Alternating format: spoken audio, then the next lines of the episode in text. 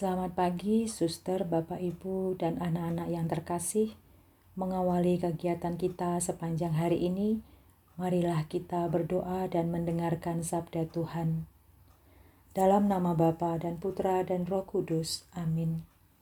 Tuhan, berkatilah aku hari ini, serta sucikanlah telinga dan hatiku, agar aku mendengar suaramu yang kudus lewat sesama di sekitarku Semoga di masa prapaskah ini, masa retret agung yang suci ini, aku dapat mengisinya dengan segala yang baik, yang berkenan kepadamu, sehingga kelak aku kau izinkan bangkit dan berbahagia bersamamu.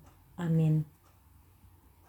Inilah Injil Yesus Kristus menurut Lukas. Dimuliakanlah Tuhan. Sekali peristiwa Yesus berbicara kepada orang banyak yang mengerumuni dia. Angkatan ini adalah angkatan yang jahat. Mereka menuntut suatu tanda, tetapi mereka tidak akan diberi tanda selain tanda Nabi Yunus. Sebab sebagaimana Yunus menjadi tanda bagi orang-orang Niniwe, demikian pula lah anak manusia akan menjadi tanda bagi angkatan ini.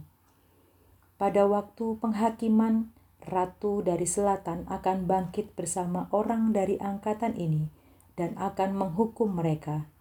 Sebab ratu ini datang dari ujung bumi untuk mendengarkan hikmat Salomo, dan sungguh yang ada di sini lebih daripada Salomo.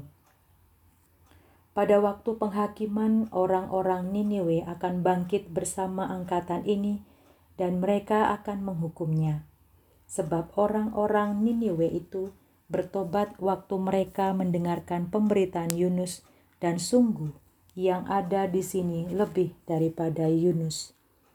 Demikianlah Injil Tuhan, terpujilah Kristus. Suster, Bapak, Ibu, dan anak-anak yang terkasih, Yunus menjadi tanda bagi orang-orang Niniwe.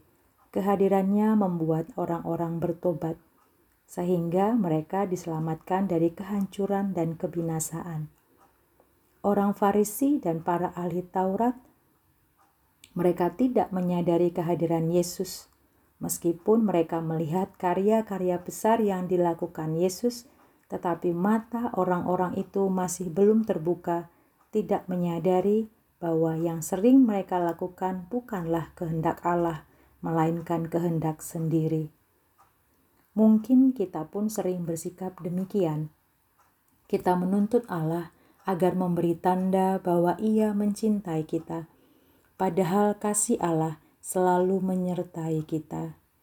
Mari mempertajam hati agar dapat mengenali kehadiran Allah dan belajar menyadari cinta kasih Allah dalam hidup kita sehari-hari.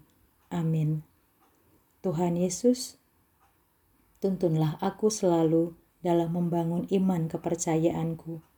Buatlah aku tidak pernah puas akan iman yang kumiliki saat ini. Amin. Dalam nama Bapa dan Putra dan Roh Kudus. Amin.